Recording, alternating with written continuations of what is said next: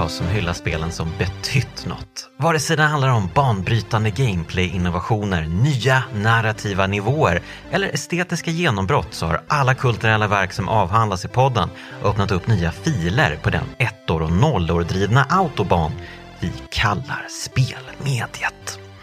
Jag heter Jonas Ögberg och idag välkomna tillbaka till podden Carl Johan Johansson. Tack. Åh, det är så underbart att vara här i Visby igen med dig och CJ. Du är så välkommen så. Uh, det, är, ja, men det är verkligen uh, det här jag längtar efter hela säsongen. Uh, så att, det tog väldigt lång tid mm. den här vårsäsongen, men nu äntligen sitter jag här i Visby och det är sommarväder. du är lockig i håret. det är blommigt överallt. Allt på en liksom, gång. Ja, men det är allt på en, en och samma gång verkligen. alla känslor på en och samma gång. Ja.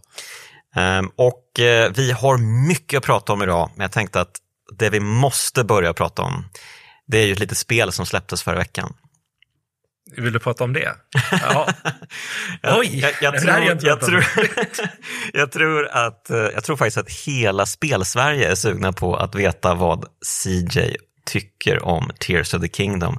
Det är ju faktiskt, eh, Breath of the Wild-avsnittet är ju det mest lyssnade avsnittet av alla i kraftspelens historia med, ja, det är nästan 2000 lyssningar just nu.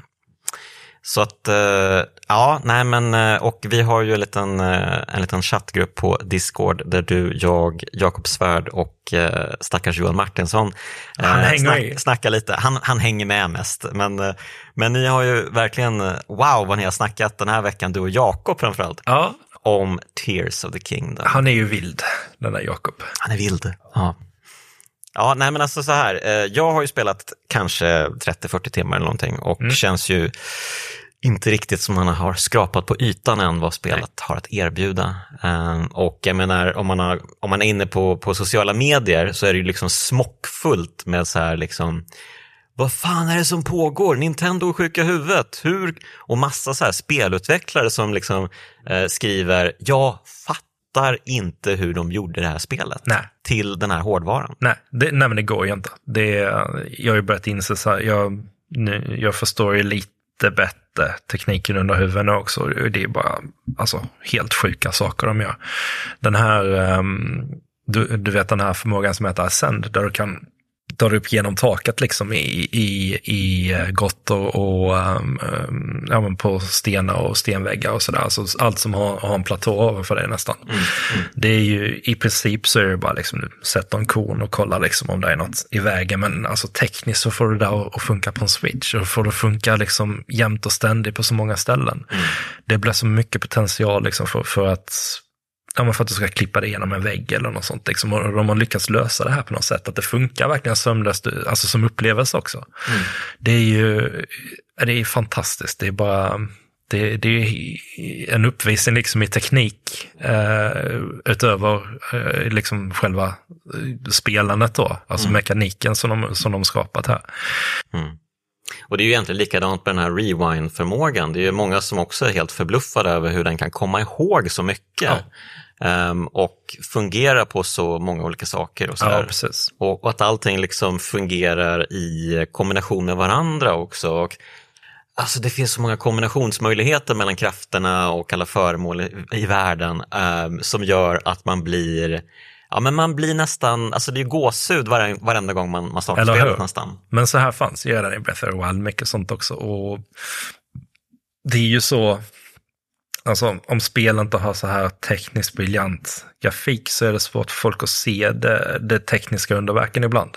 Men Breath of the Wild var ju också så när det kom att folk pratar så här om framerate och sånt i spel. Men okej, okay, men Mm. Varför pratar vi inte om vädersystemet i Breath of the Wild som är det bästa liksom, någonsin i ett spel? Typ att, ja, men just, just hur vinden interagerar, att de har interaktiv vind, alltså det, du kan se vindpulser, du ser mm. allt runt omkring dig. Alltså, ja. det inte att de animerat ett gräs, blåser på visst vis, så det blåser på olika sätt beroende på var vinden kommer från, kraft i den är, vad det är för sorts, är det vind eller är det nederbörd, är det blixtregn och så mm. vidare. Så det, det, det är ju så organiskt hela spelet att det funkar i den här miljön på den här lilla switchen. Liksom. Det, det, är ju, det är ju ett tekniskt mästerverk i sig själv, så de har ju grunderna där och nu har de ju byggt på det ännu mer med the Kingdom. Mm. Eh, Så jag har ju, jag har ju spelat ungefär sådana 35-40 timmar nu. Mm. Och, um, och det är ju liksom, jag, jag har ju liksom fått, de första timmarna fick jag orientera mig lite och liksom inse att det är ju inte Breath of the Wild längre, utan det är ju något annat mm. nu.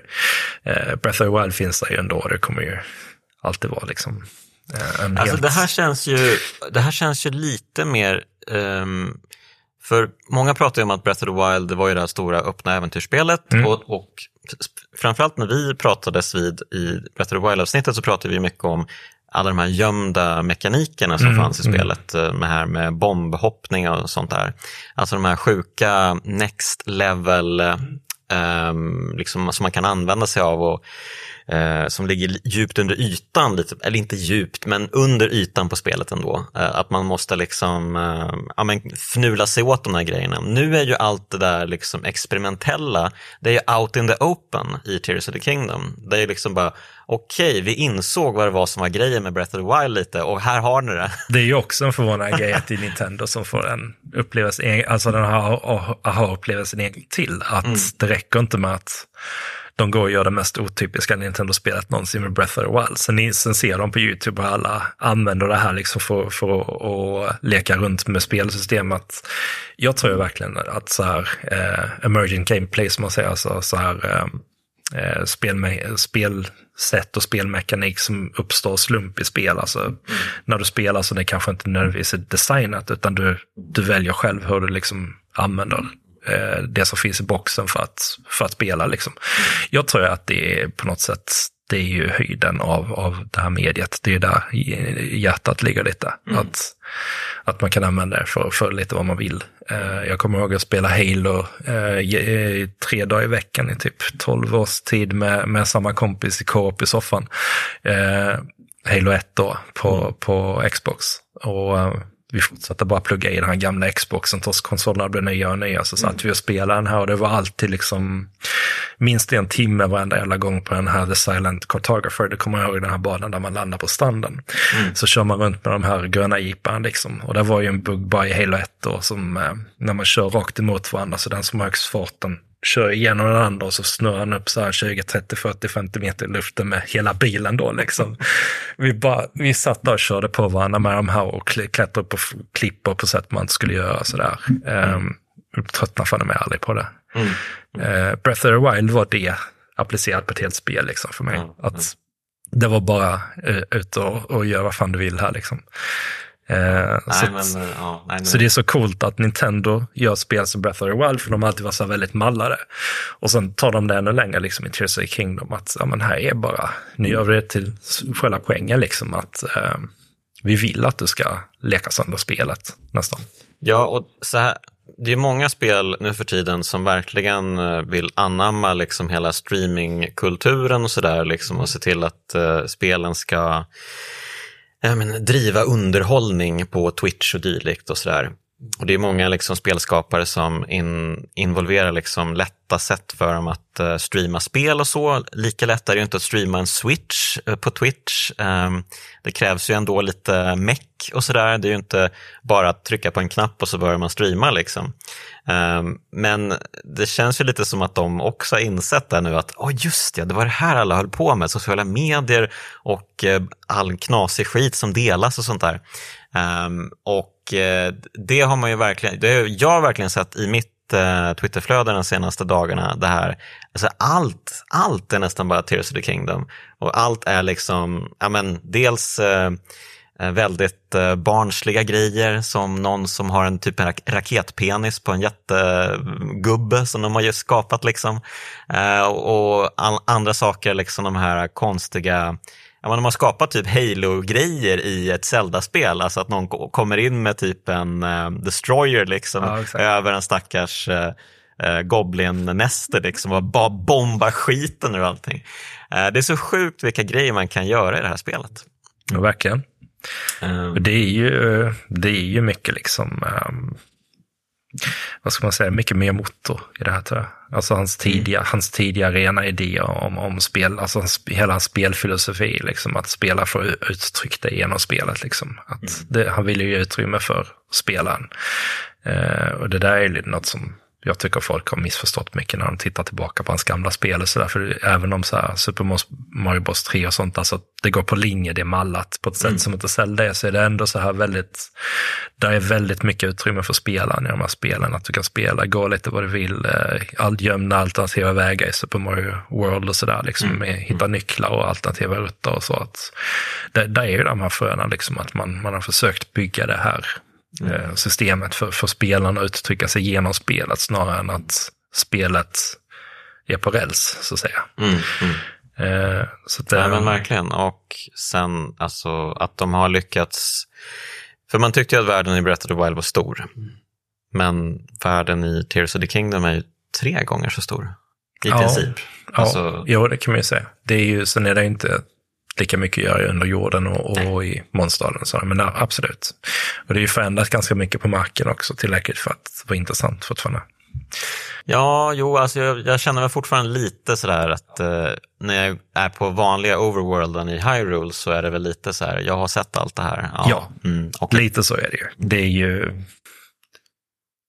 och det vet jag inte om de borde komma undan med egentligen. De skulle, lika, ja, ju... de skulle kunna gjort det till en annan dimension, alltså gjort ja, en annan karta. Men precis. det, där är, det hade kunnat vara Majora's Mask typ, eller liksom, ja. han går in i någon annan ja. dimension. Det där tror jag är ett ekonomiskt beslut någonstans för någon. Absolut. Det, det, har ju tagit sex år att utveckla det här spelet och mycket av att det faktiskt ser ut som det gör är nog för att de hade en grund redan. Jag tror också det. Jag tror att um, det, det är så mycket um, Breath of the Wild, de, de, klar, de fixar ju det här som är så svårt, att få en, um, en värld som faktiskt är designad och inte ser designad ut. Um, för det var ju designad väldigt mycket, liksom. Um, det är inte något som är auto så här, genererat eller så, utan de har ju varje berg och sånt har de placerat av en anledning liksom och kollat mm. vilka ytor där finns man kan klättra så här. Och... Mm. Det är riktig speldesign. Ja, men lite, ja exakt. Mm. Uh, så det är ju, hade de inte gjort det så hade inte många av de här förmågorna funkat eller varit möjliga ens i, i Tears of the Kingdom. Liksom. Att, men, det, ja, men det är ett fint spel. Det är jättefint. Ja, och eh, ja, men alltså att vara uppe i, eh, Skyworld och eh, utforska där uppe, mm. det är ju faktiskt otroligt. Det påminner mig lite, um, där när de börjar liksom i Skyworld, påminner lite om Kid Icarus nästan. Ja, uh, vad roligt. Ja, ja, jag, lite, jag tänkte också lite på det. Ja. Det har ju den här lite grekiska mytologin, liksom, mm, han, mm. hans sandaler och, och, han får ju den här tågan i början. Liksom. Och det är ju mycket att han klättrar uppåt också ja, hela tiden. Men också fall, fallet. Liksom. Du fallet. hoppar, du har ingen eh, hangglider i början mm. som paraglider, mm. utan eh, det är ju våga ta det här hoppet liksom. Och Kirikas, de gjorde ju det här fallet i Kirikas i spelmekaniken, att mm. han eh, när han faller så skalar ju inte världen uppåt igen. Liksom. Att, Nej, eh, och han kan ju inte flyga, men han kan dala lite, mm. flaxa mm. lite med vingarna mm. så han kan glida framåt. Liksom. Så det, där är ju lite idéer och så. Och där är ju folk från Kedika som jobbat på um, Breath of the Wild och sånt också. Jag antar där har jag väl lite så här callbacks kanske. Men, uh... Ja men säkert. Um, ja, men det är verkligen ett av de stora nöjena med spelet, verkligen mm. att utforska. Och det du pratade om, det här med vinden och eh, molnen där uppe. Alltså molnen är ju helt otroliga och när de liksom eh, belägrar en, en skyworld ja, där uppe ja. och att liksom tvingas navigera sig runt och klättra i moln. Alltså, det är verkligen otroligt. Ja, men det, det är lite det jag menar, liksom, att sådana här det är ju fantastiskt så de gör, hela de här vädersystemen. Liksom. Mm. Eh, och det är inte bara att det finns ett vädersystem eller att det är så här visuellt vackert så, utan det, det påverkar liksom hela världen i stort. Att det, är, det, det är lite speciellt. Det, det tycker jag. Ja, vem vet, vi kanske får göra ett helt avsnitt om Tears of the Kingdom också en vacker dag. Ja, det får vi nog göra, banne mig. Kanske det. Men eh, ja, det är ju inte det det här avsnittet faktiskt ska handla om. Nej. Um, utan det är ett spel som varit på tapeten här ett bra tag. Egentligen skulle vi ha mm. snackat mm. om det här, ja men det var väl i, på tal för ett år sedan tror jag faktiskt. Um, redan när vi gjorde Grim Fandango så ville du ändra till The Last Express i sista sekunden. Vill jag det? ja. Här, jag var på väg att åka till Visby eh, ett par dagar innan säger du, nej men vi kör The Last Express istället. Just det. och jag bara, mm, nu får du hålla dig lite i... Hold your horses här. Men eh, nu är det dags, The Last Express, Jordan Mechners Magnum Opus. Eh, det är alltså samma Jordan Mechner som gjorde Karateka och Prince of Persia. Prince of Persia, precis. Och det är ju ett spel som kanske inte alla har spelat, Eh, men som alla borde ha spelat. Mm, det tycker jag vid något tillfälle. Alltså, är man intresserad av spel så förr eller senare så alltså, når man till en punkt tror jag där man, där man bör ha spelat det här. Jag säger det med, med, med, med väldig omsorg för jag tycker inte, jag tycker att många kanon är liksom skitidéer egentligen. Där finns inga man måste ha spelat eller så här för att, för att för att få spelintresserad. Det tycker jag inte, men jag tycker att det här liksom, eh, det är så klockrent exempel på, på vad spel kan vara och vad, mm. och, och, och vad de menar med riktigt bra. Att man på samma sätt som man förr eller senare borde ha sett en Hitchcock-film, alltså mm. om, du, om du är filmintresserad, liksom, mm. så bör du ha testat i alla fall Last Express. Mm. Liksom, för att um, man kommer dit förr eller senare om man, om, om man är riktigt spelintresserad helt enkelt just för att det är så unikt tror jag. Mm. Uh, ja, nej, det, men... det är ju verkligen ett speciellt spel. Jag, jag, har ju, jag glömde bort det lite. Det här spelade jag kanske i början på 00-talet och eh, var ju blown away såklart för att det var ju väldigt speciellt. Men sen har jag liksom inte tänkt så mycket på det med tiden. Ehm, och nu när jag spelade om det nu inför den här sessionen så blev jag ju blown away igen. För det är ju verkligen ett extremt imponerande spel. Det är Precis det. som Breath of the Wild. Uh, alltså mängden, um, alltså den detalj de har lyckats uh, återskapa med det här spelet. Och det, alltså det, det är så otroligt mycket liksom slit som gått in i att återskapa. För det är ju ett spel som utspelar sig på Orientexpressen 1914. Mellan Paris och Konstantinopel. Ja, som... dagarna innan första världskriget ja, bryter precis. ut. Um, och allt det här är ju så otroligt väl återskapat. Alltså på en nivå som man nästan, man kan knappt förstå. Alltså det är verkligen uh, pitch perfect nästan. Jo, och... men absolut. Det är ju det är ju liksom så exempel på um, uh, historisk fiction, alltså historical fiction kallar man den här romangenren, när, när de, när de, um, de hittar på liksom handling i, i verkliga uh, historiska settingar. Liksom. Mm. Och det är ju lite samma i det här spelet, att de, de har ju verkligen um, sökt med lykta och pinne efter autentiska liksom, scener till det här. Um, det tycker jag. Det utspelar sig sagt på den här eh, sista Orient, eh, Orientexpressen som, som går den här sträckan då mellan, mellan Paris och, och Konstantinopel som, som, eh, som Istanbul hette då, liksom innan mm. Ottomanska rikets fall. Mm. Och, um, och um, de, ehm, de gjorde ju research för att hitta en riktig Orient eh, Express. Liksom. Mm. Vilket, vilket inte var så lätt liksom, 97 för de, de är gjorda av trä de här eh, vagnarna. Liksom. Så mm. de som um, de började ju gå i början av 1900-talet tror jag, eller slutet av 1800-talet. Mm, mm. Så, så de var ju gamla redan då liksom på, på 90-talet? Eh, ja. Ja, ja, på 90-talet, men jag tänker för första världskriget. 1914? Ja, 1914. De var inte jättegamla, men de tillhörde en, ja. en era som var på väg att försvinna där. Liksom. Mm, mm. Så då hade de ändå varit liksom, drift i en 30 år. Och sånt. Så de som inte förstördes under andra världskriget, de stod och ruttnade på gamla spår eller sånt och så förstörde de som under andra världskriget istället mm. i bombningar och sådär. Mm. Så de hade ju ren tur som hittade den här tågvagnen i Aten då, mm. när de gjorde research för spelet. Så de var ju där och tog så här, dokumenterade och tog tusentals foton och, och sånt av den här vagnen. Liksom. Och många av dem är ju, bildar ju liksom stommen för, för, um, för de här scenerna i spelet. Ja, så och det är inte bara det egentligen, utan de besökte ju även uh, Gare de l'Est i Paris och ja. träffade tågarbetare där um, och pratade med dem och undrade om de hade någon dokumentation från tiden um, från liksom bolaget som hade Orientexpressen. Men det bolaget hade ju liksom såklart gått i konkurs förr eller senare och Eh, de som tagit över eh, hade väl helt enkelt bett om att eh, helt enkelt förstöra allting för det fanns inte utrymme att behålla den där och det var ju liksom bara skit tyckte de. De var ju inte liksom intresserade av att bevara historien. Men det var ju de här gamla tågarbetarna, så de hade ju inte lytt dem, utan de hade ju bara liksom tagit hem allt material som då Jordan Mechner kunde få kika på. Ja, det är ju jättefint. Det är sånt som gör att man får en tår i ögat. Ja, men verkligen. Så den här, um, den här vagnen som stod i Aten där, det var ju någon sån ehm, den bara stod och ruttnade på någon, någon gammal bakgård eller sånt där. Så de ville ju sälja, han köpte ju den av dem. Um, jag, jag träffade honom i Malmö för några år sedan. Och, och, ja, men det här måste du berätta allt om. det var, det var en Nordic Vi Game. sitter med människor som träffat Jordan Mechner. Det var en Nordic Game där tror jag, som jag, jag var och skulle prata med för Level. Mm. Uh, tror jag. Tanken var först att vi skulle skriva om Prince of Persia eller något sånt, men jag ville ju bara prata om The Last Express, så blev det ju så. Uh, och han, han, han, han, lös, han lyste ju upp liksom när jag kom och sa att jag ville prata om det här spelet. Det, mm. det verkar som han mest fått prata om Prince of Persia-filmen när jag kom dit. Liksom, att ja, det var, det var inför den som det var? Eh, liksom. ja, den har släppts så tidigare tror jag. Okay. Så att, um, eh, så att, um, han, han, han gick ju igång på det här stenhårt liksom, när vi började prata om det här. Han sa ju att de sålde den här vagnen till honom.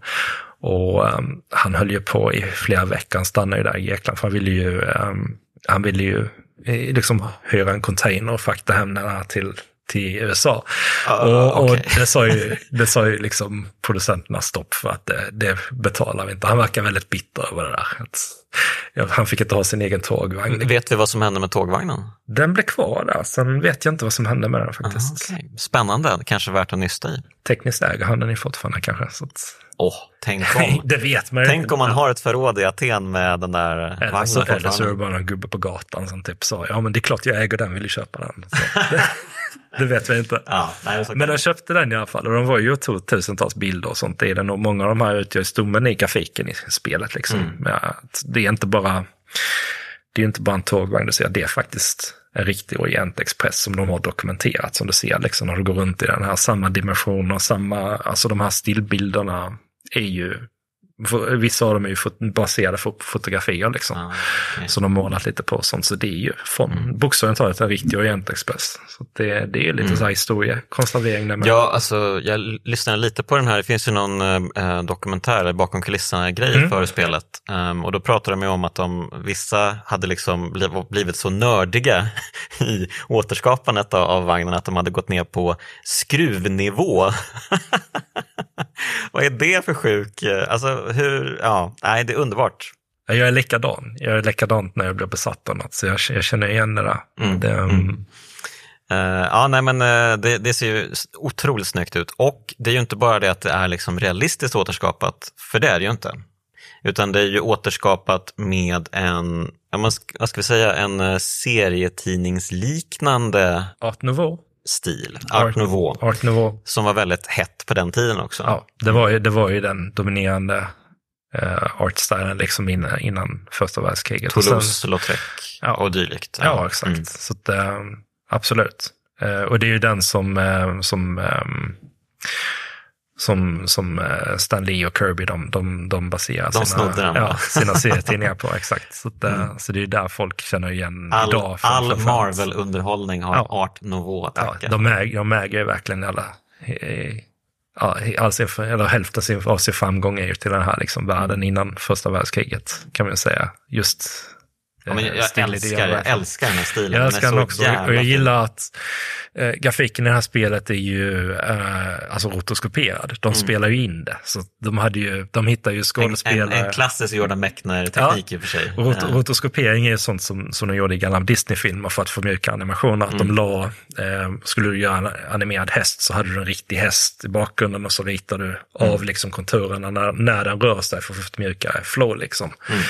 Eh, så så gjorde de ju. Och, och, de gjorde något liknande här. Det var inte så mycket just att man ville ha mjuka rörelser här, utan mer att man ville ha realistiska anletsdrag och så. Så de hade skådespelare eh, som hade lite så här de såg lite så här utklippta ur magasinen och sånt. De hade, mm. de hade väldigt distinkta, tydliga anletsdrag. Du, eh, det gillar jag verkligen. Ja. Jag älskar skådespelare som, alltså, ja, som har ansikten ja. som verkligen ser ut som liksom, de precis. har varit med om saker. Du, du, kan se att de har levt liksom, på, levt, på, mm. på deras kroppar lite grann, på, på hur de ser ut. Liksom. Uh, så de, de hade ju sådana filter sen som de la på det här. Och inte bara det är kul, vi pratade lite om Zelda innan, det är ju cell liksom, mm. Breath of the Wild. Eh, men där är det mer för att få en så här mjuk, det är ju jättefint gjort, liksom Breath of the mm. Wild, med, med, eh, men där är det mer att det, det rör sig som du är i en serietecknad värld. Mm. Eh, jag får mer intrycket att Last Express är inte så mycket sammanhållet så, utan det är mer som en tavla typ. Att färgen smälter ut lite i linjerna ja. så här, allt hänger inte samman liksom eh, på samma sätt. Utan mm. det blir som ja, men, rörliga, halvrörliga bilder liksom från tavlor eller något sånt. Från, från målerikonst lite. Just det, att ja. det blir liksom någon konstig djupkänsla på Ja, men lite också. så. Ja. Men just att, just att det inte blir en modell som du lägger shading på, utan det är snarare att linjerna de flyttar ut lite, färgerna mashar lite. Men, men det, det, ja, precis. Så att, um, men det, det, det är väldigt vackert spel. Och det, det är också ganska unik, um, unik um, vad ska man säga, teknik bakom typ. Han är, han är ju sån lite, lite experimentell Mäklar. Han, men, äh, verkligen, han verkar ju otroligt ja. äh, tekniskt begåvad. Ja, det också, men ju, att han är nyfiken på sådana saker och liksom, ähm, tänker man tillbaka på första Prince of Persia så var det ju spelvärldens första mocap.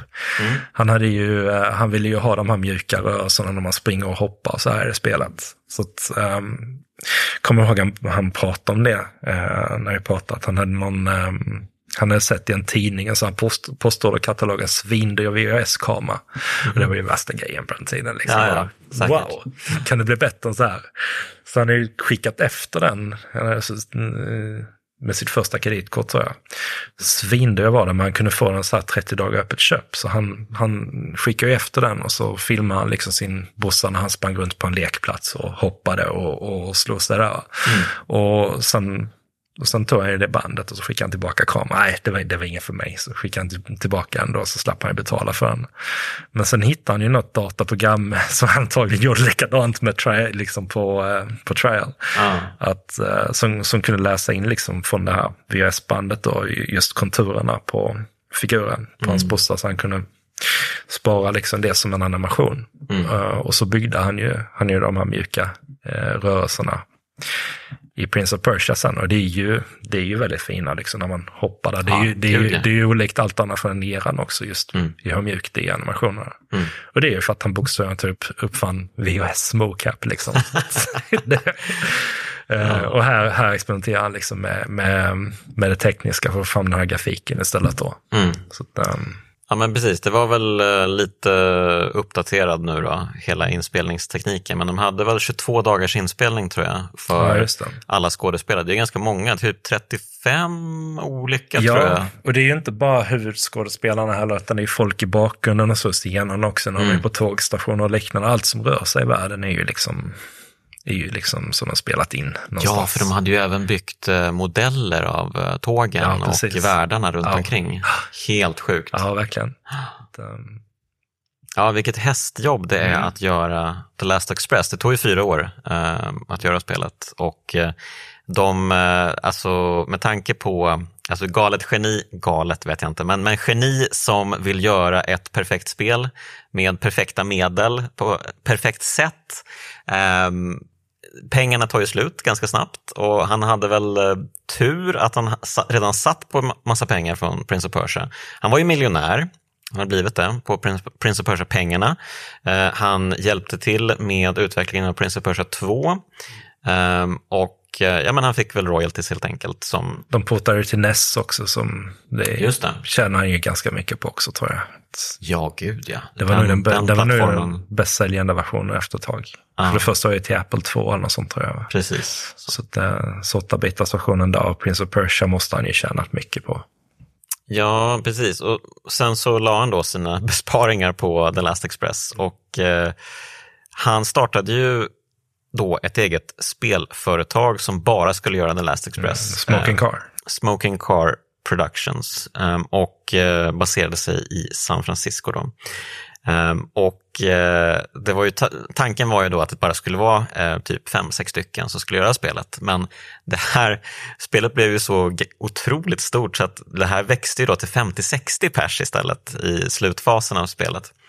Um, och eh, ja, att på den tiden ha 50-60 pers på ett spel, 97 då, det är ganska crazy. Det är det, särskilt för att peka-klicka-äventyr liksom. Det, de var ju lite på dekis där. Det... Eh, ja, det, dels är det alltså en genre som är på väg ut för ja. som, som inte ens LucasArts klarar att eh, liksom Nej, tjäna exakt. pengar på längre. De har ju lagt ner och att innan det här kom ut eller något sånt, LucasArts. Att de... Ja, exakt. exakt. När kom Grim Fandango? Då? Grim Fandango kom 98 99 någonting. 98 ja, men då var det, men de, de hade ju i princip inget folk från, utan Nej, men exakt. De, alltså det, liksom. det var ju liksom, precis, första hälften av 90-talet det gick det bra. Men så fort, så fort 97 där, då, då var det bara konsolspel och Playstation liksom som gällde. Eh, men men eh, dels det, det är liksom um, den lilla, um, oh, vad ska man säga, ehm, um, ja, men det var ju helt klart ett aber för dem eh, att hålla på med den här genren vid den här tiden. Och dels att de hade så många människor som skulle göra så många olika saker. Han skulle liksom ha koll på allting. Uh, han var ju the mastermind, uh, Jordan Beckner. Um, och dels det här researchen som måste tagit enorm tid. Um, och uh, dels då att faktiskt få pengar för slutfasen av utvecklingen. Mm. Han måste ju ha wheelat och dealat så in i helvete för att få det här spelet gjort. Det gjorde han nog. Ja. Sjukt. Ja, det är ändå fascinerande att han lyckas skapa ihop de här medlen på något sätt mm. uh, för att få det gjort. För det, um, hade han inte gjort Prince of Persia innan så vet jag fan om någon hade velat ge pengar för det här. Alltså. Det... Ja, nej men alltså det, det, är klart att det låter ju som en spännande idé, men uh, det, vi vet ju också att det sålde ju skit. Det sålde ju typ 2x eller någonting. Ja, och eh, hans eget eh, för, företag eh, Smoking Car, de var ju tvungna att lägga ner. Och sen även Broderbund, de köptes ju upp ehm, och eh, la ju i princip ner sig själva. alltså ja, det var ju så, så mycket, alltså dels det här att han inte fick någon marknadsföring överhuvudtaget för spelet. Trots att de liksom, ja, vi har lagt så himla mycket pengar på det här, men nu när det kommer ut, ja, nej, vad ska vi göra? Ingen kommer köpa det ändå. Och det är ju, ja, då, man kan ju säga att han gjorde ju inte det för, för att tjäna pengar antagligen, utan det var ju, det var ju... Där har vi det. Ja, men lite så, för det, det är ju inget av det här spelet som, som liksom är designat med profit i, i, i åtanke. Liksom.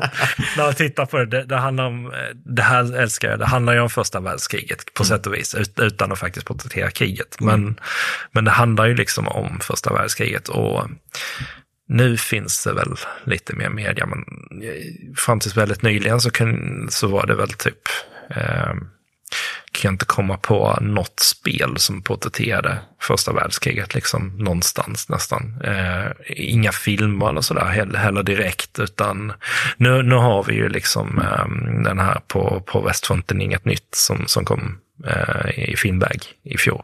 Mm. Den här tyska eh, filmen. Har, har du sett den? Um, nej, jag har inte sett den. Nej, jag tyckte inte om den så mycket, men den har ju blivit väldigt hyllad. Ja, men du är inne på någonting där. Ja. Det har ju blivit hett nu. Ja, men 1917 ja. kom ju också. Ja, men och, precis. 1917 eh, också. Massa andra exempel har vi. Ja, Så vi har ju lite fler nu. Men, men då så var det ju ingen som liksom rörde andra världskriget, eller första världskriget. Det var ju kanske för att för andra världskriget var så nära fortfarande. Så att det var liksom de här grymheterna mm, från, mm, från nazismen liksom som man, eh, som man hade färska i minnet. Ja, och andra världskriget, alltså nazisterna var ju en så ja. himla mycket mer eh, liksom, tacksam ja, men eh, fiende att ja, porträttera.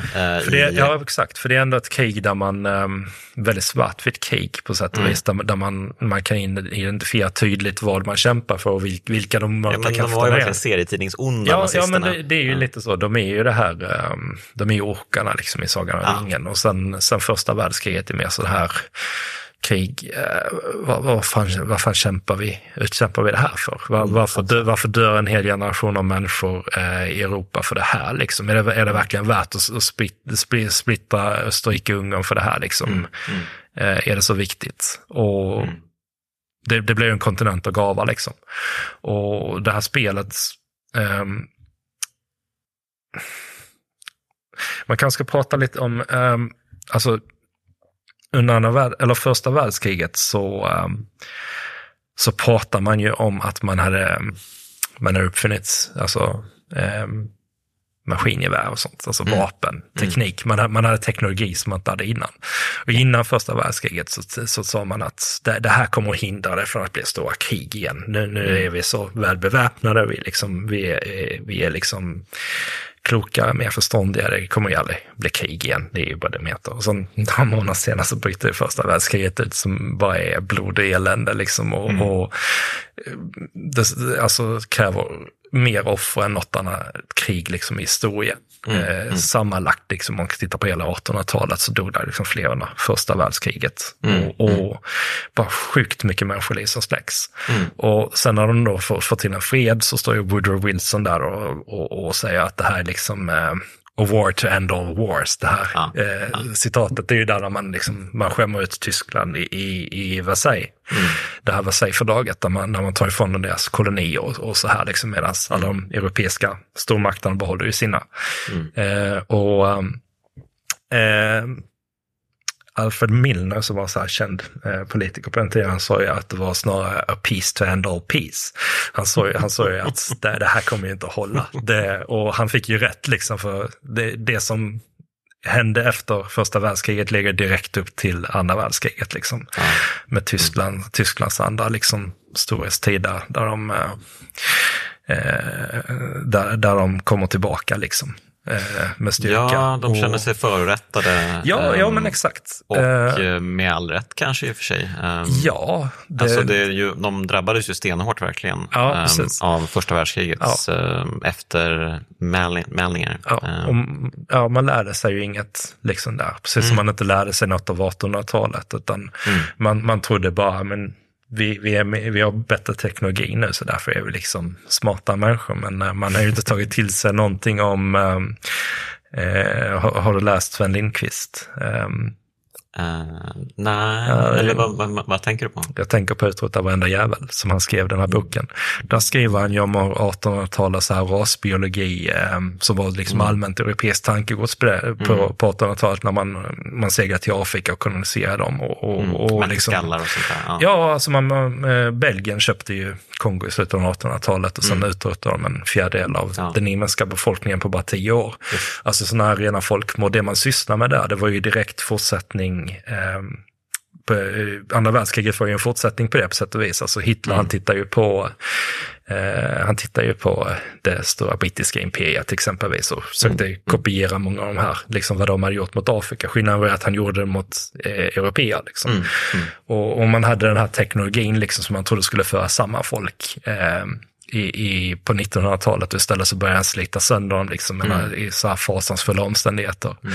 Eh, och det symboliserar det här ångloket i, i, i The Last Express. Att eh, det är ju den här liksom järnkaminen som dundrar fram över en kontinent som håller på att spricka. Liksom. Mm. Eh, och just att man mm, slutet av 1800-talet, man börjar bygga ut järnvägar och infrastruktur och sånt och sen vad minnar det ut i andra världskriget? Men transport liksom för att underlätta ett massmord när man fraktar mm. folk till mm. koncentrationsläger och så här. Så att um, det är ju mycket liksom, det är ju, um, det är ju mycket svart, svarthet under, under hela 1900-talet som, som börjar här någonstans. Liksom. Mm. Så den här världen som, som man får en glimt av i The Last Express, det är ju sist, sista liksom, där fladdrande ljusdagen liksom, för en värld som är på väg att släckas. Och sen ja. vandrar Europa in i det här liksom, mörkret då, som, som, eh, som omsluter hela 1900-talet får man säga nästan. Ja, och då ska man samtidigt komma ihåg att eh, det här ligger ju kanske lite latent då, lite under ytan, mm. Eh, allt det här. Eh, men egentligen så är ju spelet en mordgåta och ja. ja men litet, verkligen ett äventyrsspel mm. som lite, det känns ju väldigt mycket som ett Indiana Jones-spel som utspelar sig på under, precis innan första världskriget.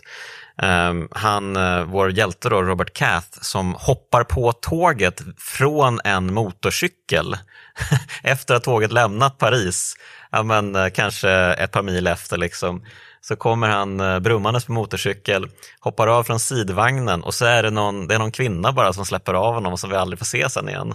Bara, ja, okej, okay, lycka till eh, med det du ska göra. Alltså, det känns ju liksom supermycket som Indiana Jones allt det här.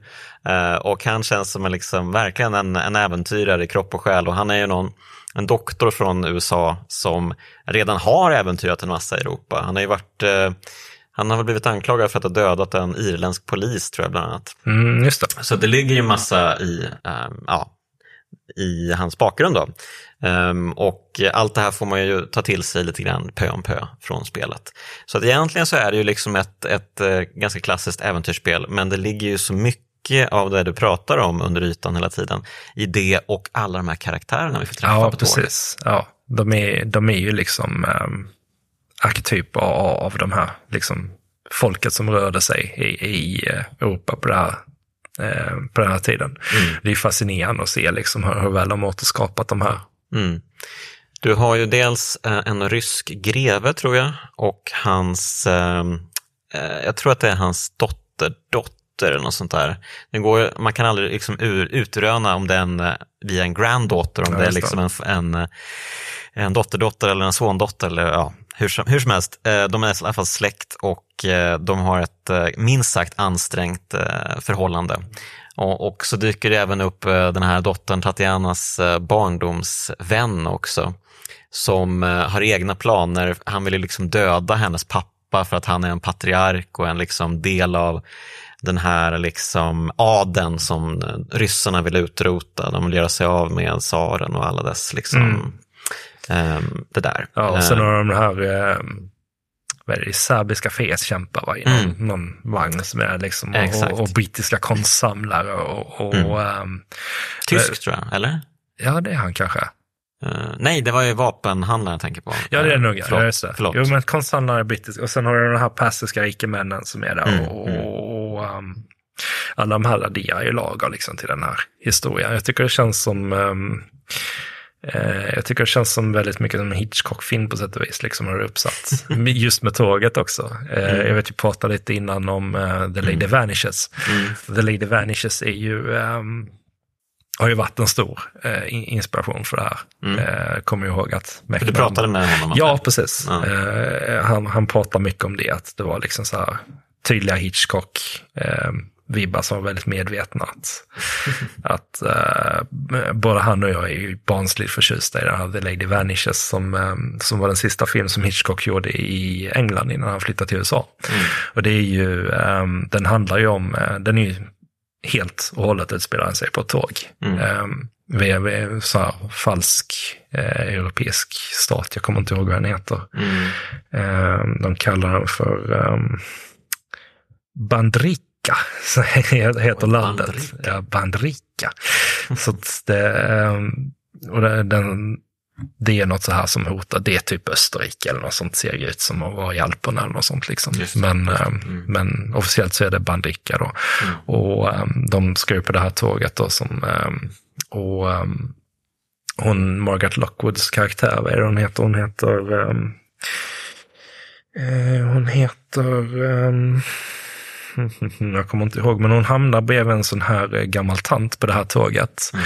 som heter Miss Froy. Och hon, hon är fantastisk spelare, den här Dame May Whitty som, som eh, gjorde, hon var, um, hon var lite av um, Eh, en sån teaterlegend tror jag, på den tiden i, i England. Mm. Så de började göra filmer och behövde så gamla tanter så var hon det go-to-guy där. Det är roligt att vi nästan alltid pratar om liksom 30-talsfilmer ja, när vi pratar spel här. Men det, det har ju varit väldigt stor inspiration där. Men hon hamnar ja. in till den här tanten, liksom Miss mm. Froy, som, som um, hon somnar. Hon, som, hon har slagit huvudet tror jag, att hon, hon slår i det på stationen och sånt. Um, ja. Och sen somnar hon på tåget när hon vaknar upp sen till den här tanten där och de andra passagerarna, de sitter och tittar på henne. Man, bara, man har aldrig varit någon tant, du, du har dagdrömt. Och hon, mm. hon blir upprörd av det här liksom, rena gaslightningen där. Ja, hon, vad fan är det här? Så hon börjar gå runt och söka och ingen har sett den här tantjäveln på tåget någonstans. Liksom. Mm. Mm. Och hon har svårt att få folk att tro henne till en början, liksom, att det faktiskt var en tant och dant. Och så kommer han och så här doktor och jag, jag är liksom så här en psykolog som, som har forskat i det här med hjärnskador, så du, du, du har ju hallucinerat det här liksom. Mm. Och, ähm, äh, men just den här liksom extrema gaslightningen som äger rum och sen att det, det blir som en gåta där, vad hände med tanten? Att äh, hon försöker liksom hitta någon sorts svar här. Ja, för en gåta handlar ju även uh, The Last Express ja, om. Uh, han har ju kallat till Orientexpressen av sin vän Tyler Whitney, ja. som också är en amerikansk medborgare, som också har rört sig i Europa och hittat på massa hyss, ja, uh, framförallt med serberna. Um, och han rusar in i hans hytt och hittar honom död på golvet. Ja, så, som man gör. Som man gör. Ja. Precis, i den här typen av uh, spel och Exakt. den här typen av filmer. Ja, exakt. Det hade varit en chock om han var levande. Ja, det, det hade brutalt verkligen. Ja. Hur hade det gått till? Ja.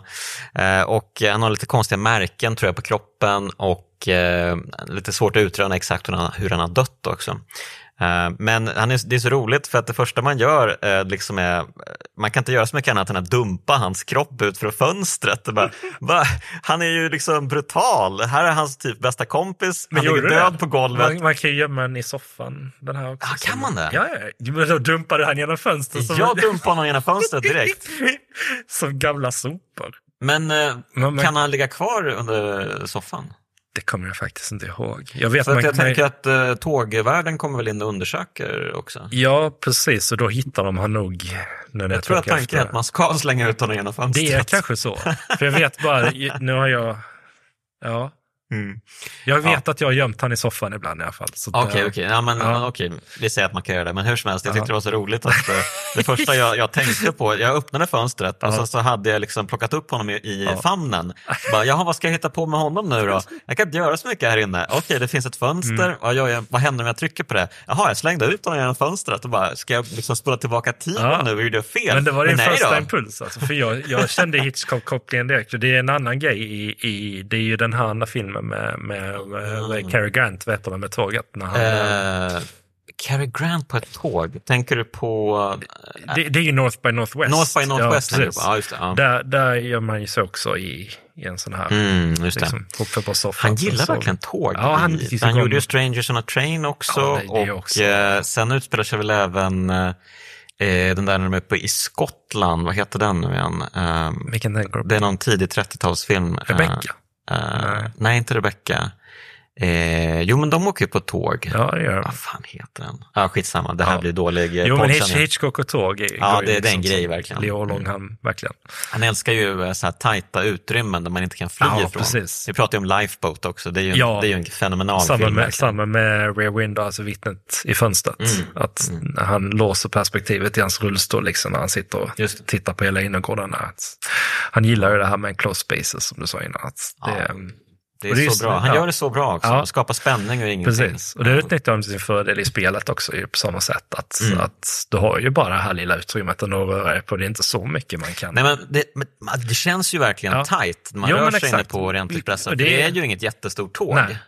Och det är ju för att de gjort det så rikt liksom, i, i sitt porträtt med så mycket detaljer Mm. och, och saker att hitta. Liksom. Att, Det, det är ju nästan det bästa med spelet. Det Ja. tycker jag är när man rör sig i korridorerna på Mm. tåget och eh, den här eh, konduktören kommer gåendes. Mm. Och han, exakt, exakt.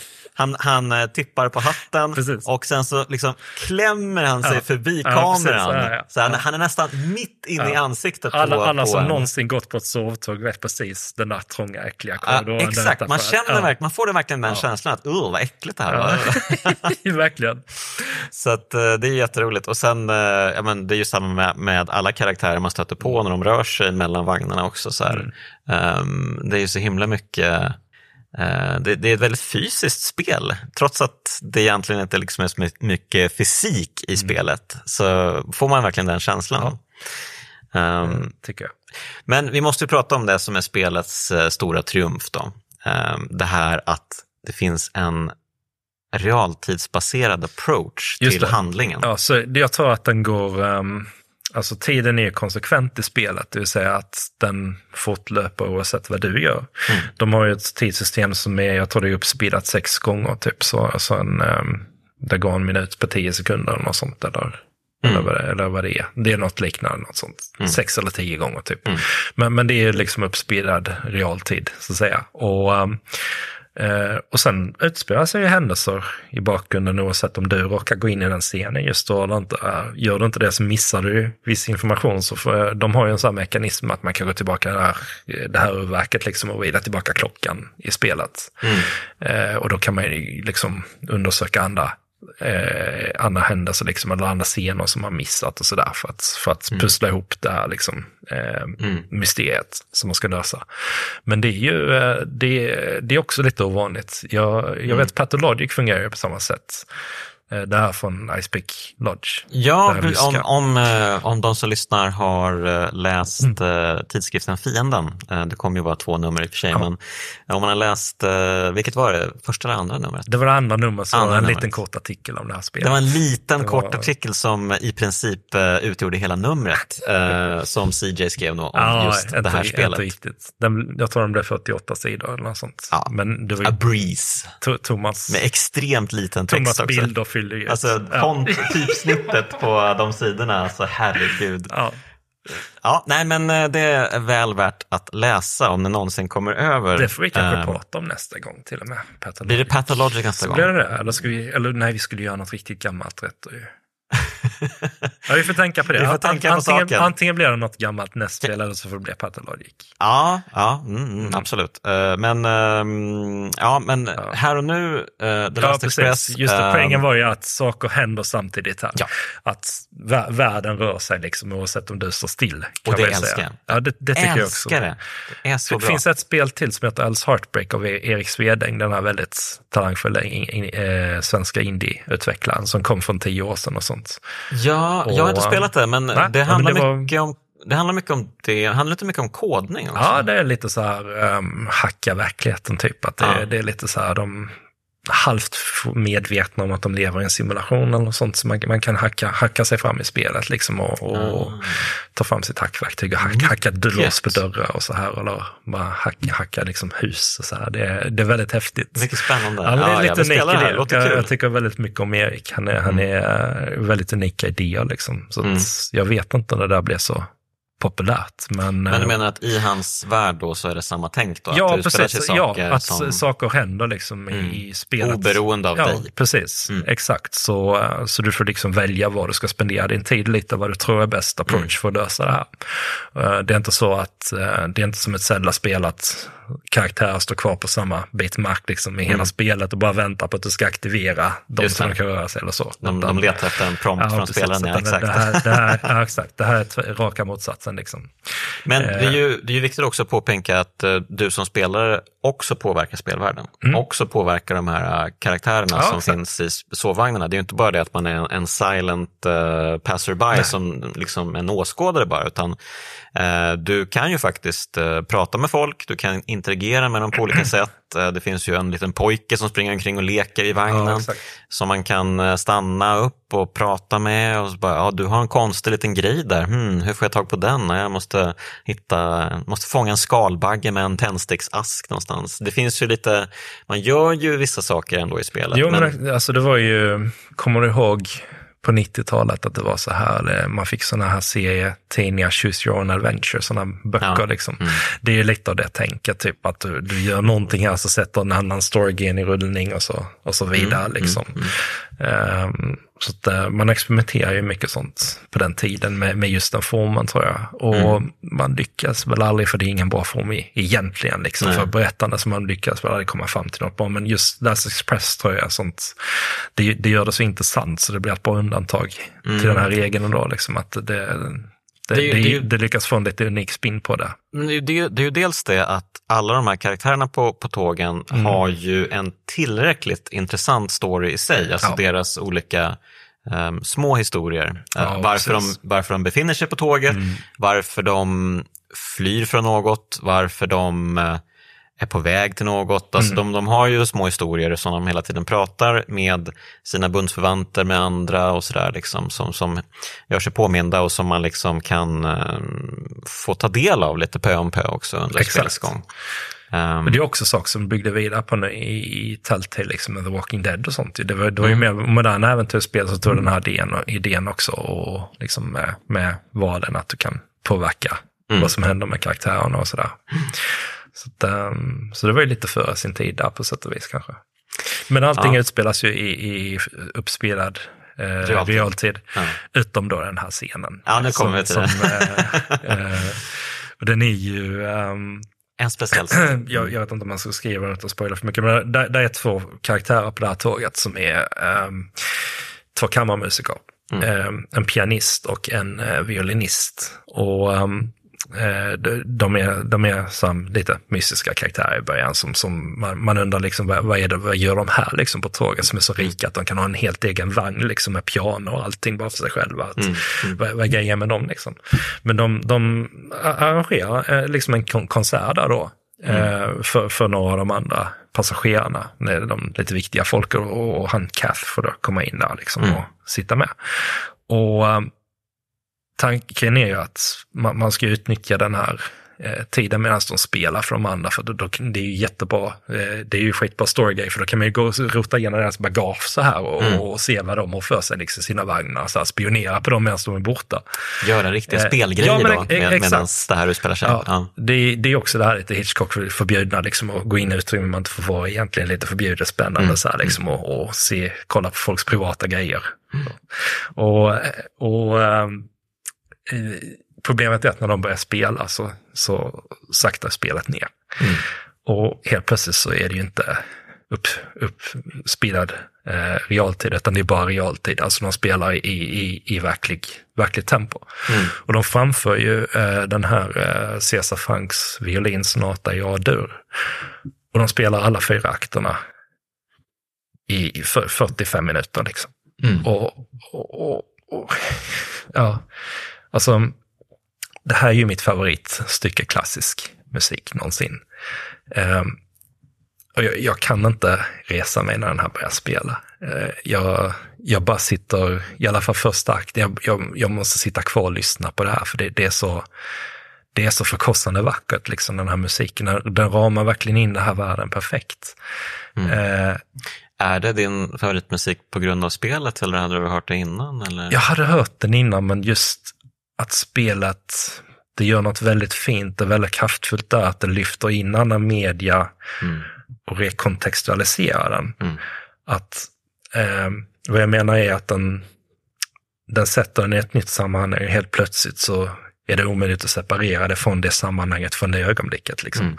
Att från och med samma sekund som jag hörde den här låten, det här spelet, så tillhörde låten spelet. Den tillhörde inte Frank längre, den, den tillhörde spelet. Och jag åkte liksom, jag, jag har ju bott i Skåne hela livet och, och pendlat fram och tillbaka och jag åkte ju tåg dagligen i, i flera år. Mm. Jag har aldrig någonsin eh, satt mig på ett tåg utan att höra den här i huvudet, den här låten. Var, var gång jag satt mig på liksom en kustbil eller, ett pågatåg eller, eller en så här Öresundståg så har det liksom undermedvetet så har jag alltid hört det här motivet. Mm. I flera år så hade jag det eh, på telefonen och innan det på, på, på en iPod så hade jag den här musiken i Ja, jag, vid något tillfälle så vet jag att jag hade över 40 eller 50 versioner av, av den här eh, låten framför olika orkestrar och, och, ensamma musiker eller bara två par då eller så här. Mm. Eh, jag hade nog 50 versioner vid något tillfälle tror jag. Som, 50? Okay. Ja, och jag, var gång jag satte mig på tåg så brukade jag spela den första akten när man går ut liksom och bara luta huvudet mot rutan liksom och sluta ögonen lite. Um, det, det förändrar sättet som jag åkte tåg liksom och hur jag, hur jag, hur jag tänkte på liksom publiktransport och sådär, offentlig transportation och, och sådär. Eh, så, så det är en stor del på grund av spelet antagligen som, som, eh, som det är mitt favoritstycke. Mm. Eh, men jag var bekant med det innan. Men, eh, ja, du berättade ju för mig förut att du kan aldrig, liksom, när du väl börjar spela The Last Express, så mm. sätter du dig alltid och lyssnar på ja, hela stycket. Precis, ja, precis. Det blir ju Trots att, att, du ska göra ja, spelsaker. För det, liksom. det, alltså, det ramar ju in den här världen. Alltså, det, det, det är så mycket som musiken säger, liksom så här, det, alltså det är, musiken är ju känslornas språk. Man talar ju med, med, med känslor i, mm. genom musik. Det, mm. det, det, den är, musiken är ju bättre på det än något annat medium, får man säga. Att, mm. att den kan förmedla så här, känslomässiga tillstånd direkt, liksom, mm. utan, utan något lager mellan dig och, och, och mediet. Mm. Och um, den, den, är så full av så här um, det är melankoli, men det är också så här kärlek och empati för den här eran som är på väg att försvinna, liksom den här eleganta eran, eh, mm. världen före 1914, liksom, som de, de har levt i, som nu är på väg att slockna. Liksom. Det blir som en svanesång lite för hela den världen också. Mm. Eh, vi gillar Cesar Frank väldigt mycket. Frank, han var ju, um, han var ju en um, belgare som bodde nästan hela livet i Paris, men mm, dömdes lite som belgare för att han, han inte var fransman. Liksom. Han, han, ja, men han, han hade lite mot sig när de räknar så stora kompositörer och sånt i Frankrike, att han brukar hamna utanför lite. Han gjorde inte så mycket väsen av sig heller. Han var, eh, tänker man på sån som Liszt så spenderade han hela livet liksom att turnera och visa hur duktig han var tekniskt och så här. Mm. Eh, Frank han var mer intresserad av harmoni och, eh, och improvisation. Han, han var mycket mer intresserad av av vad musiken betyder för honom själv. Eh, han, han, försökte, istället för att göra så stor karriär som musiker, så um, jobbade han alltid för att försörja sin familj. Liksom. Familjen var, var liksom vad han tyckte var viktigt i livet. Mm, mm. Eh, han var väldigt duktig eh, sån här eh, orgelspelare, den bästa, kanske den bästa mm. kompositören för orgel eh, efter Bach faktiskt. Okay. Så att, eh, mm. Det är något som han inte är känd för idag. Men han, eh, han tog jobb som en sån kantor i en kyrka bara för att få nära år igen, liksom, så att han samtidigt kan försörja familjen. Så att han då komponerade liksom i, i åratal medan de andra var ute och, och, eh, och gjorde namn för sig själva. Liksom. Men han, han, var verkligen en så här extremt talangfull eh, tonsättare. Liksom. Mm. Och um, den här eh, violinsonaten den skrev han ju för, eh, för, en, eh, för en violinist som hette han hette eh, Eugene eh, Isai, hette han. Och eh, han var ju på 1800-talet, det här var um, slutet av 1800-talet någon gång. Han var, han var så här stor improvisatör, den här violinisten då Isai. Och han skulle gifta sig i 1886 eller något sånt tror jag det var. Och då skrev ju Frank den här sonaten för hans bröllop då, liksom som en gåva till honom. Mm. Och, um, och sen dess så spelade han den då resten av livet, var han än gick. Um, så den är, det är personlig musik och du hör det, du hör det väldigt tydligt tycker jag när du spelar den. Att, äh, det, det är verkligen, ähm, ja, men det, det, det, det är fantastiskt fin musik. Jag vet inte, ska vi ta, ska vi ta och spela den lite kanske? Eller det... Uh, ja, det kan vi ju göra. Ja. Annars kommer jag lägga in det också, men ja. uh, du, du, du får bestämma. Ja. Jag, jag tycker vi lyssnar lite på absolut. den. den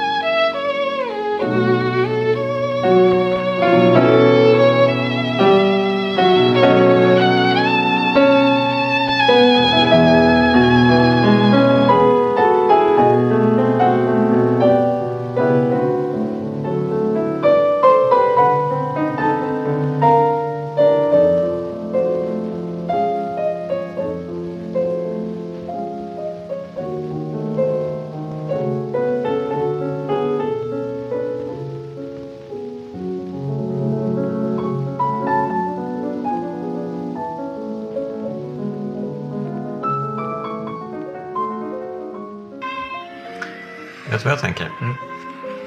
Jag tänker att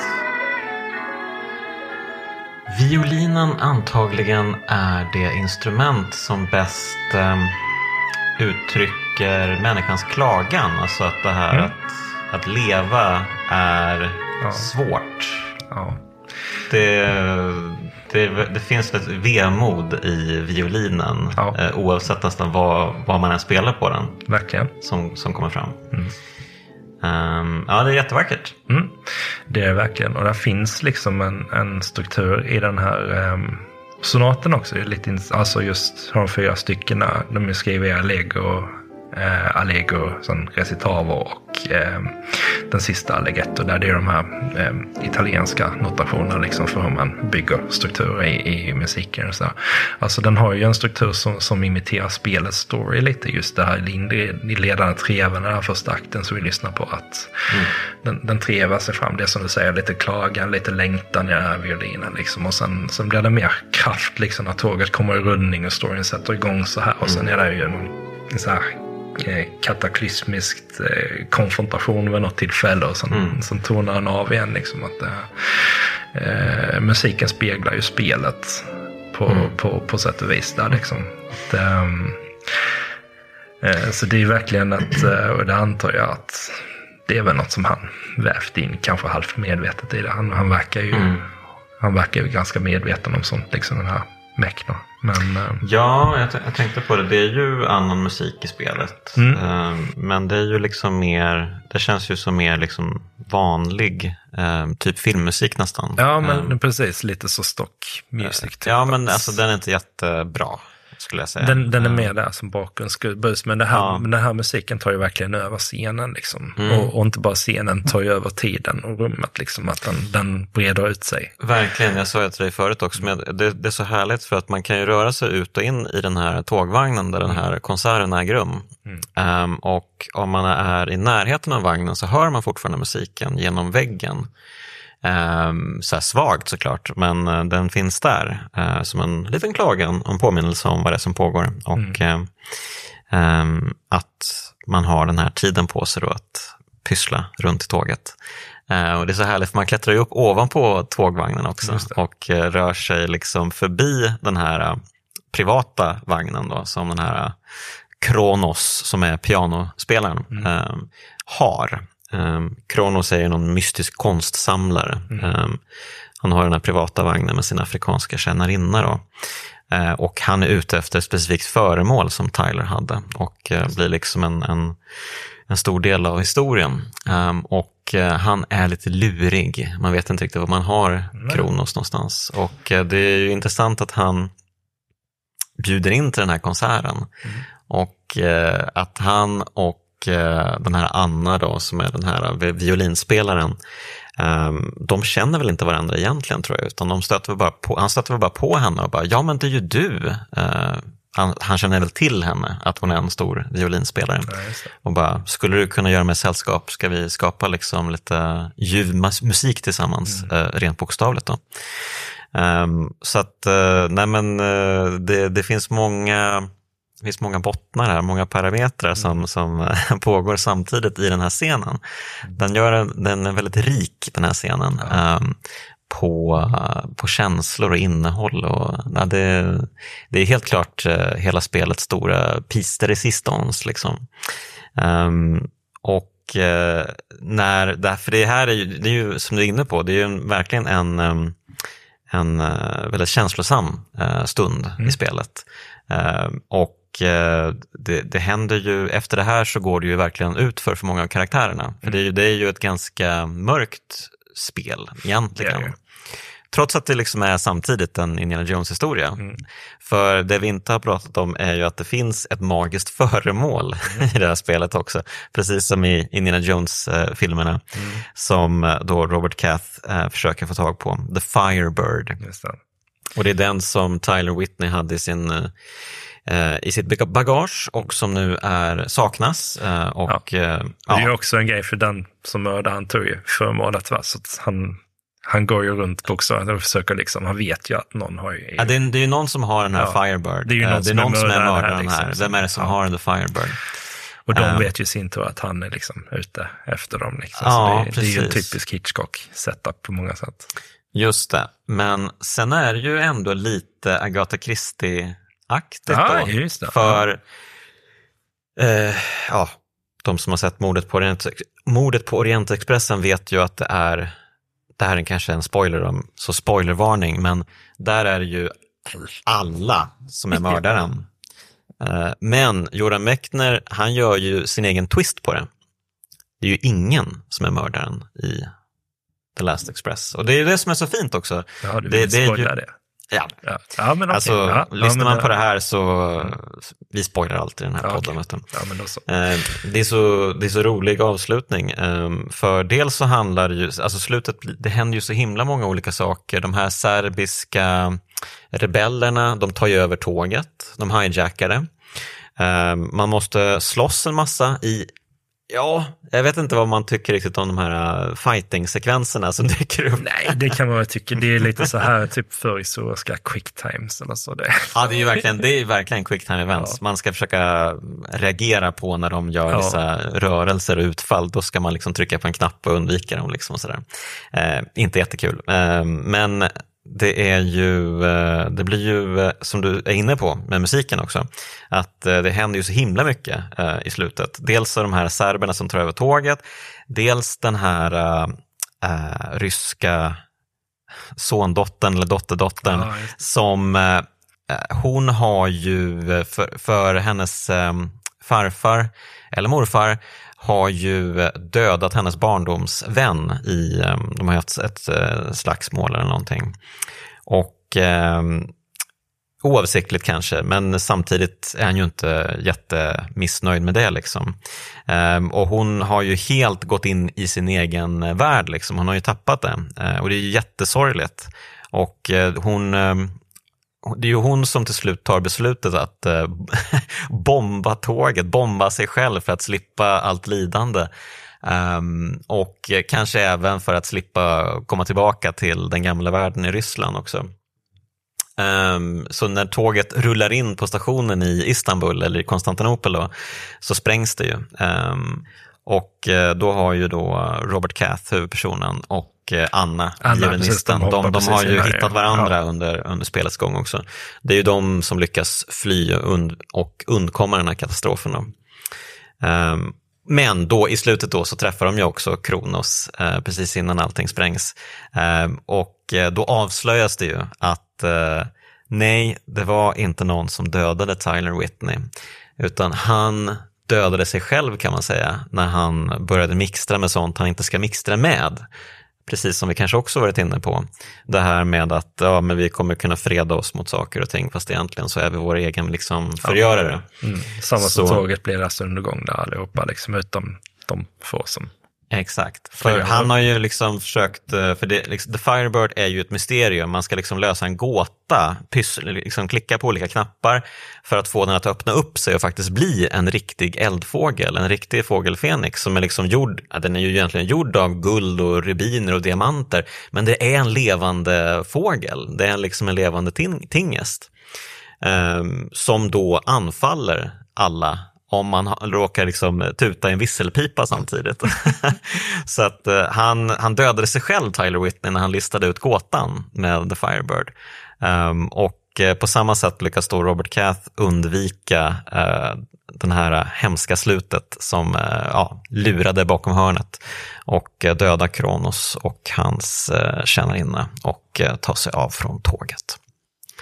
Och sen slutar det ju väldigt tragiskt i det att ja, den här explosionen eh, kommer ju riva upp nya sår i, Ja. i eh, den här liksom neopolitiska, geopolitiska eh, smältdegen som Ja, håller på här just nu. För det här är ju liksom, de har ju precis passerat också Serbien och Ja, Där- just där blir de förföljda av det här mi- militärtåget och så ja, också. det, ja. det har ju hänt en massa saker på vägen också som ja, gör de att ser ju de här oroligheterna genom hela Europa liksom, när, de, när de åker där. Att Precis, de har ju egentligen ett, ett spår av kaos bakom sig på Ja. ett sätt och vis. Liksom. slutet är ju också så eh, lite ironiskt. Där. Jag tror de säger, Anna hon säger väl till Kath att hon, hon ska se henne igen efter kriget och det kommer max vara en månad. Så liksom. Och, Jo, jo. ja, Eh, och det, det är ju också, ehm, det är kanske det, det finaste av allt för att eh, sen så ser man ju bara en bild på om det ja, järnvägen eller ja, någonting. timelapsen på kartan där. Så en timelapse, exakt, en timelapse på, en, eh, på Eur- Europa ehm, och i hur gränserna förflyttas och eh, olika länder tar över andra länder i och med, eh, alltså under hela 1900-talet, utan det är inte bara liksom första världskriget, utan eh, tiden liksom tickar långsamt på samtidigt som eftertexterna rullar. Um, och så, dyker, så kommer vi fram i nutid, typ 1994, 5, 6, 7, Ja, 8 precis. någonting. 94, 94 tror jag det stannar på. 94. Men, ja. Och eh, man, man, man förstår ju att ja, de träffades aldrig igen. Eh, antagligen så dog väl båda två i kriget, eller krigen som följde. Så det, det är ju inte riktigt eh, samma liksom Indiana Jones tjo och tjim eh, över det hela. Nej, precis. Utan det är mer att ja, deras värld slukas och de slukas med den. Liksom, Mm. på, med, med allt som händer där. Som vi sa, det, det är ju liksom det som eh, det som mynnar ut efter första världskriget mynnar ut i andra världskriget och sen har vi ju fortfarande liksom knock-on-effekter där om man tittar på eh, nu kriget i Ukraina och allt Mm. sånt. Liksom. Det är ju, allt bygger ju på liksom historier som vi inte lärt oss någonting av egentligen. Usch, ja. Ja, vilken Mm. tråkig tanke.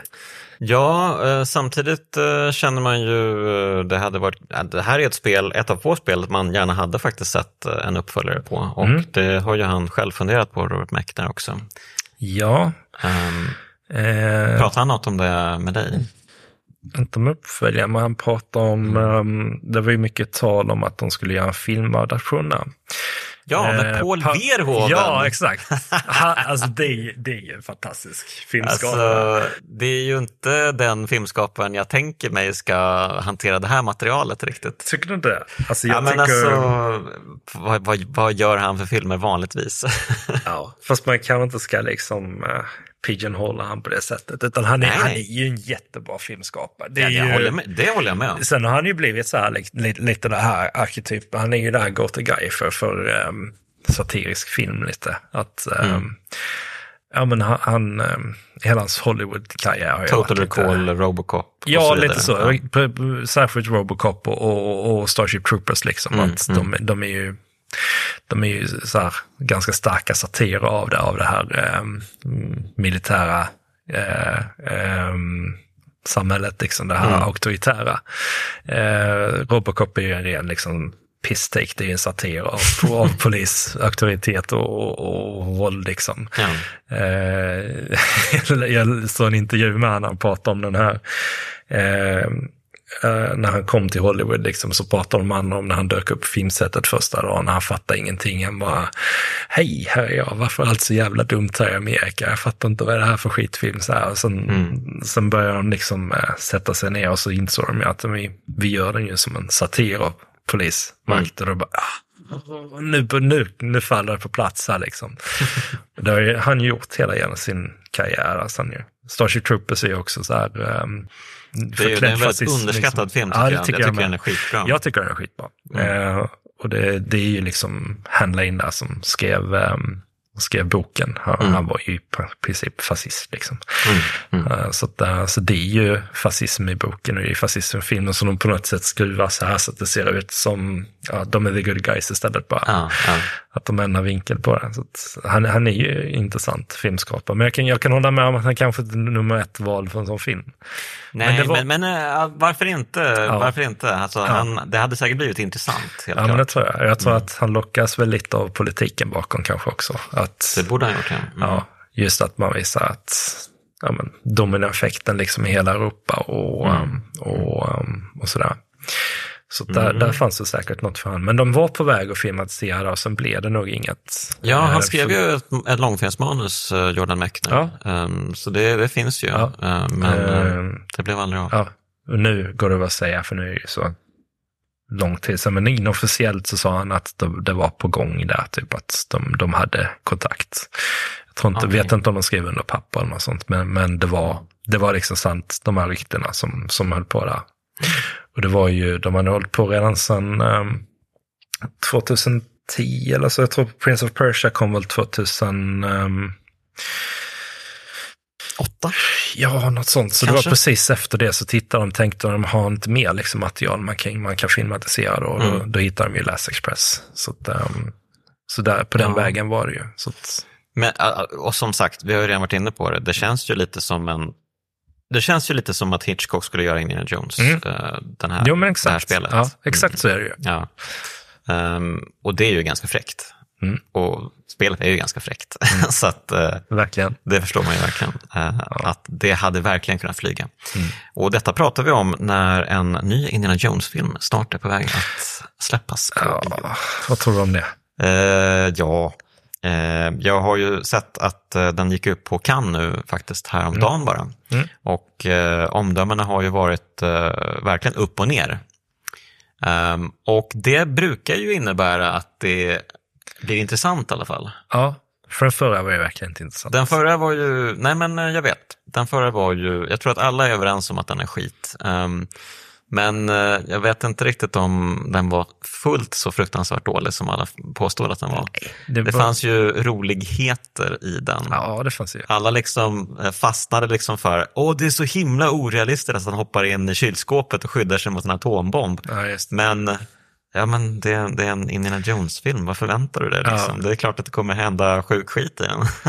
Jag tror folk har, har liksom, de, de minns de gamla filmerna, han undrar hur de egentligen var. Alltså det är ju Mm. Noahs ark, de, eller inte Noahs ark, men den här för, förbundsarken, den här Mm. som de hittar liksom. Eh, och ehm, eh, i tvåan så är det den här voodoo-pesten liksom Mm. som, som väcker döda till liv och sådär. Så det är ju inte, det är ju inte de mest realistiska filmer som någonsin Nej, gjorts. jag, jag tror att många blev sura på att det handlade om utomjordingar. filmen.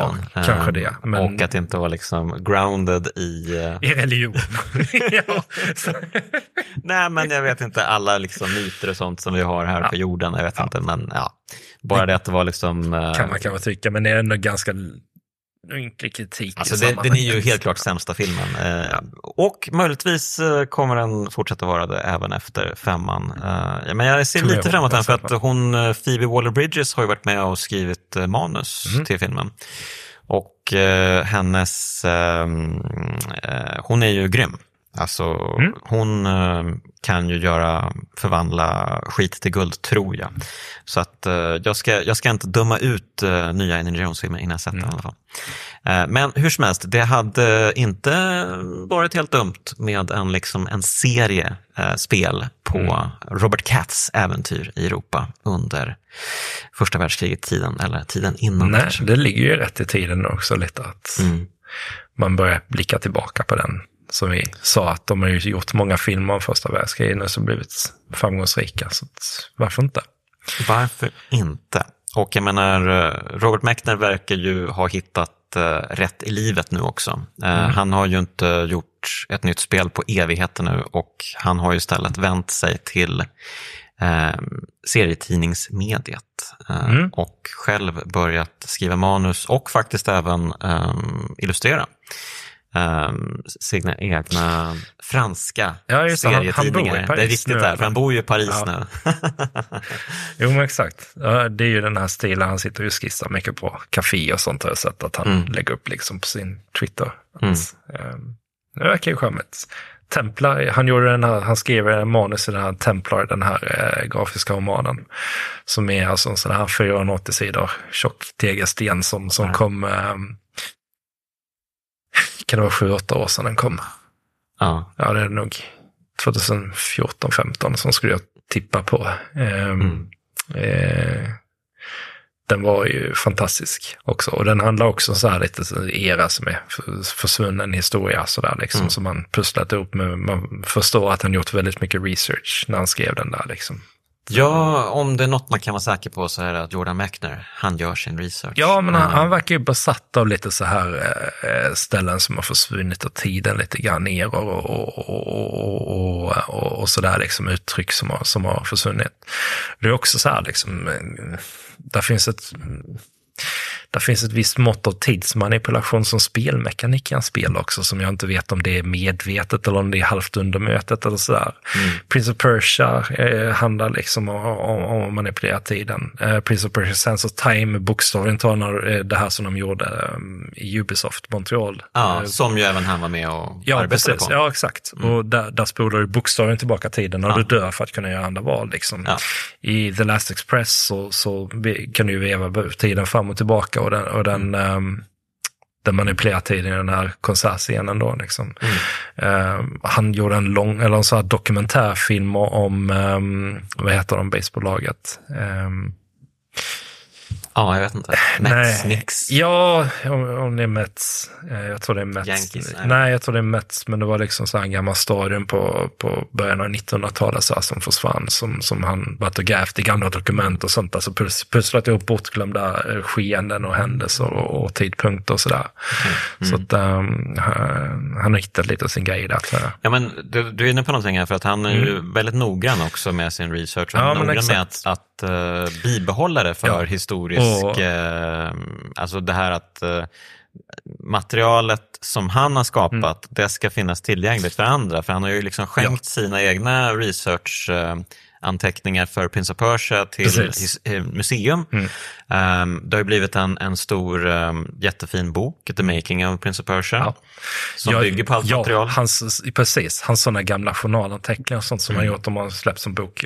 Ja. Jag kan inte rekommendera någon nog att läsa dem alltså, för de är, eh, de är verkligen de är jättecharmiga och de är skrivna liksom på, på sätt som, som väldigt fint skrivna tycker jag de är. Men det är allt liksom från hans gamla anteckningar från 80-talet när han sitter och knackar på en Apple 2-gator och undrar liksom, kommer det finnas en datorindustri om fem, fem år eller sådär. Eh, Okej. att det är liksom sådana funderingar Aha. eh, till rena så här speldesignskiss och sånt. Att det, de, de är också skrivna som så här liten tidsresa nästan. Mm. De är, mm, är jättefina. Det är också värt att nämna att eh, alldeles nyligen, för någon månad sedan, så släppte han ju eh, en bok som heter Replay, om, eh, som han själv har skrivit och regisserat. Det är en serietidningsbok också.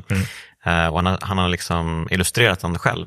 Och den handlar ju då om, det handlar ju mycket om The Last Express. Det handlar ju om upprinnelsen, hela hans liv och hans, hans släkts förflutna i Europa. Och just under krigen och eh, 1900-talet, Ja, hela den precis. resan. Liksom. Hur det har påverkat honom och eh, ja, men, eh, utvecklandet av eh, framförallt The Last Express tror jag. Jag har inte läst boken men den verkar väldigt intressant. Ehm, så att eh, han har ju jättemycket grejer på G helt enkelt och uh, förtjänar verkligen att vara i ropet igen Mm, bland alla. Väldigt distinkt röst tycker jag. Mm. Ja, men eh, det är synd. Jag tror, jag tror tyvärr att vi aldrig kommer få ett nytt eh, Jordan Mechner-spel. Det hade varit, det hade varit kul ändå. Det hade ju varit. Ehm, vi får se vad som händer. Han verkar ändå tillfreds med sin tillvaro som serietidningsskapare, tror- serieskapare ja. i Paris. Ja, Det hade jag också varit. det hade jag också varit. Jag tror inte det, jag tror inte det är synd om han så. Men, han lever eh, drömmen. han Ehm, han säger ju det själv att Paris är den plats han vill bo på. Och, eh, han bodde ju i Paris eh, när han började göra liksom, eh, researchen för Mm. The Last Express innan han sen flyttade tillbaka till San Francisco och startade företaget. Då. Jag vet inte, såg du den där Prince of Persia-filmen med Jake Gyllenhaal? Som, som Nej, jag har inte sett den. Du har inte sett den? Nej. Nej, inte jag heller. Hur dålig var den? Ja, du har inte sett den Nej, heller? jag har Ja, faktiskt inte, nej, precis. Eh, jag kommer bara ihåg att fråga han typ om han tyckte om att göra en film som handlar om att jaga massförstörelsevapen i Mellanöstern. Det tyckte han var en kul fråga. Ah, är, det, är det det som handlar om det? det, det, det, handlar ju om den här typ kristallen som kan förgöra saker och sånt. Ja, där. okej. Det var, ja.